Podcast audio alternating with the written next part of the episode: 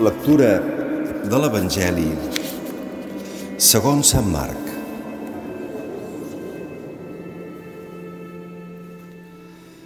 En aquell temps, Jesús prengué Pere, Jaume i Joan, els dugué tots sols dalt d'una muntanya i es transfigurà davant d'ells.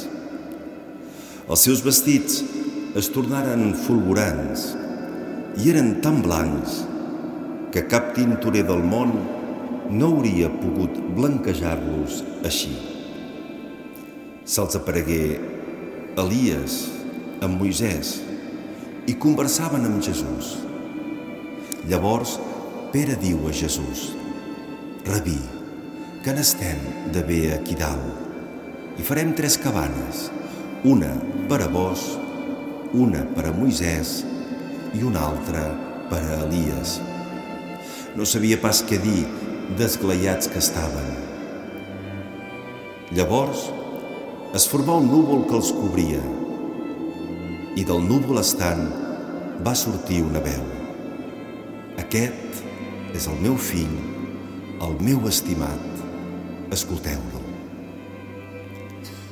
Immediatament, mirant al seu voltant, ja no veieren ningú més, sinó Jesús tot sol amb ells. Mentre baixaven de la muntanya, Jesús els manà que no referissin a ningú allò que havien vist, fins després que el fill de l'home hagués ressuscitat d'entre els morts.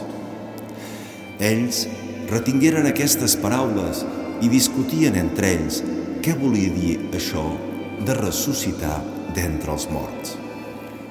Paraula del Senyor.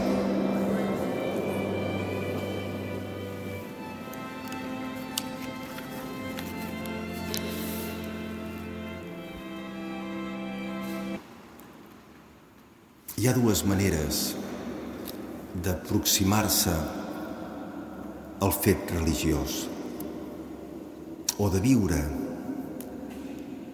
l'experiència religiosa. D'una banda,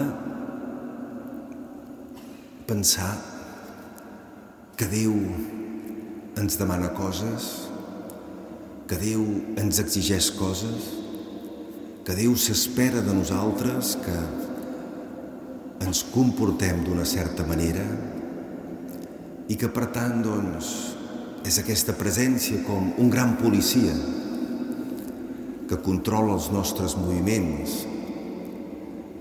o com un jutge no gaire benèvol que si ens despistem ens pot castigar. Un Déu que vol que sembla que tingui necessitat d'allò que nosaltres li hem de sacrificar,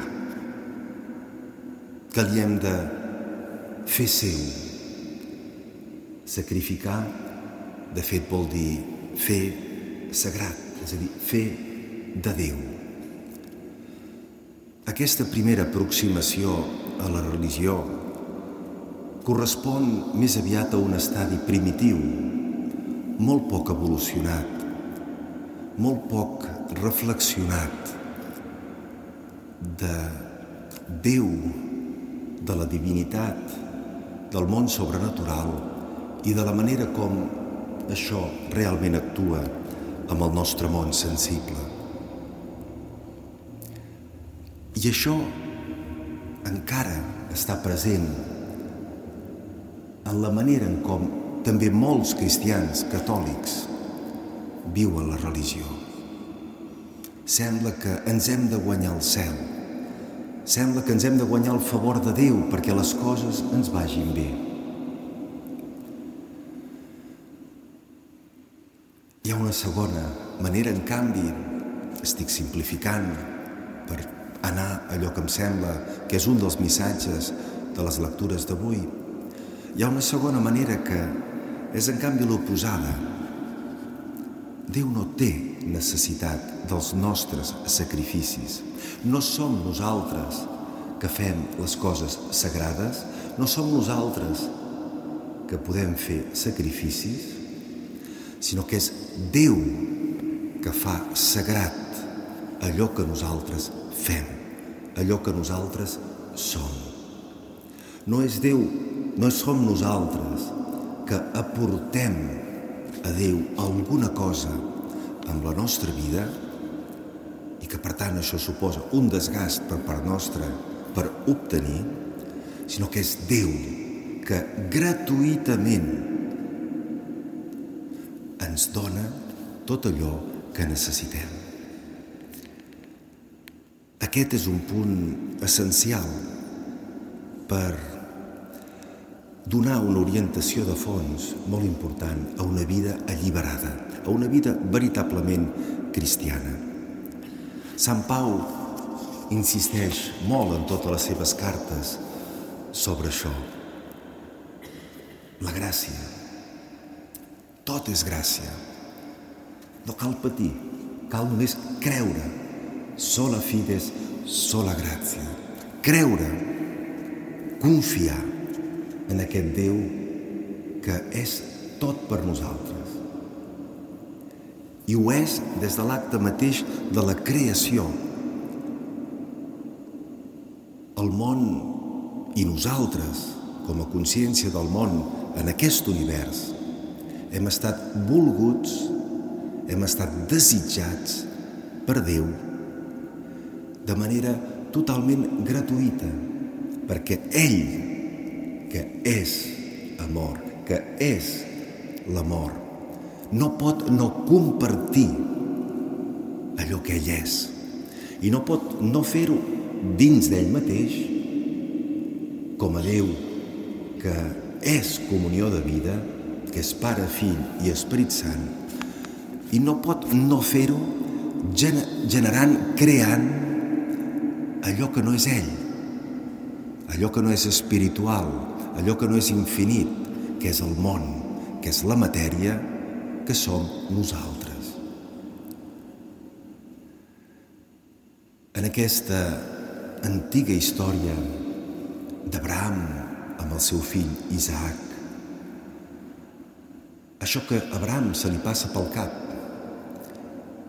veient en aquesta regió on havia arribat, de Canaan, l'actual Palestina, l'actual Israel, que feien aquesta cosa horrible de fer sacrificis de nens per placar l'ira, la ira de les divinitats, dels poders sobrenaturals.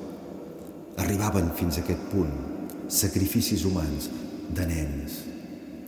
En tenim constància també en d'altres cultures, també de les, de les Amèriques precolombines, per exemple. Abraham devia veure això i vés a saber per què. A un cert moment va pensar que si volia demostrar el seu amor a Déu ho havia de fer fins a aquell punt.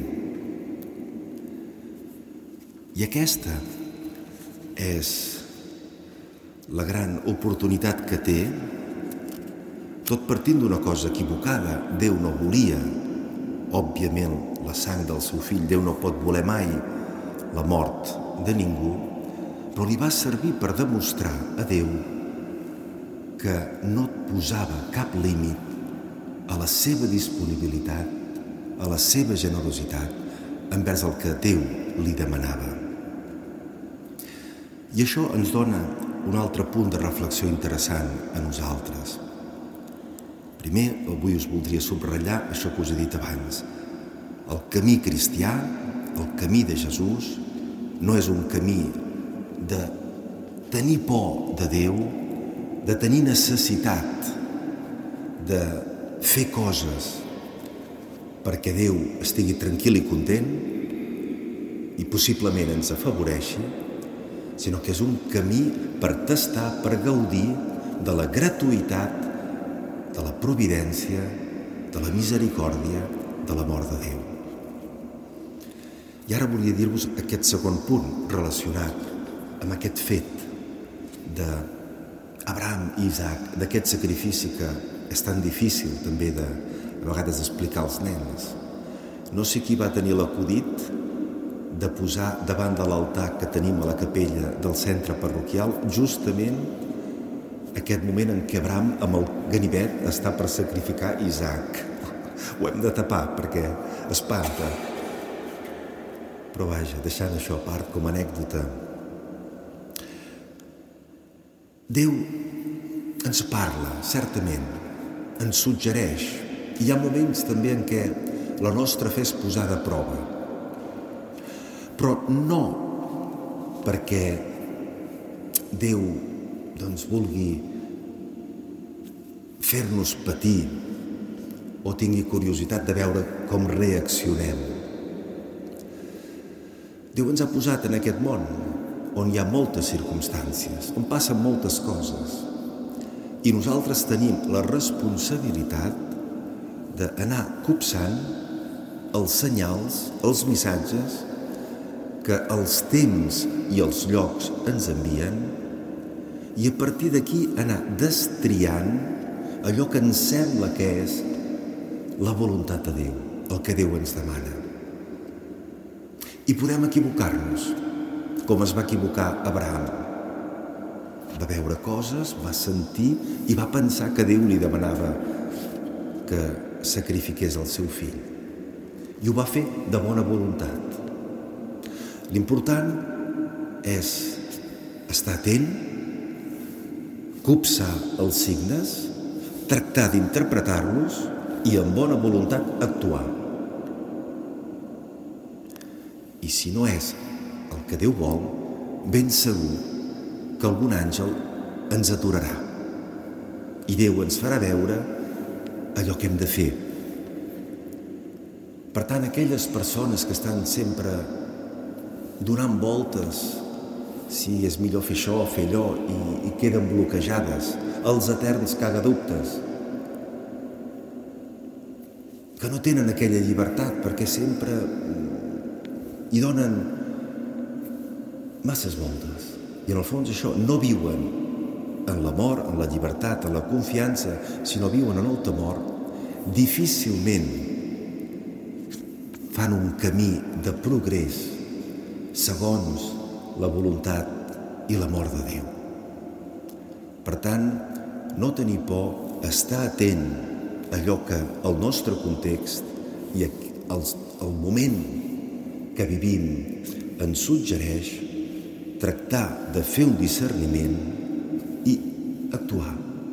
Segurs que si estem atents, si no és allò, Déu ja ens corregirà a través d'algú o d'altres circumstàncies. I per acabar, només per quedar-nos amb aquesta imatge tan bonica de l'Evangeli d'avui. Ens trobem, recordem-ho, en el moment que precedeix el gran drama de la passió i de la mort de Jesús i així com també a l'hort de Getsemaní Jesús porta ben a prop seu Pere, Jaume i Joan quan prega el Pare, també vol que en aquest moment l'acompanyin a la muntanya que tradicionalment identifiquem pels que heu estat a Terra Santa amb la muntanya del Tabor. Aquí senten, veient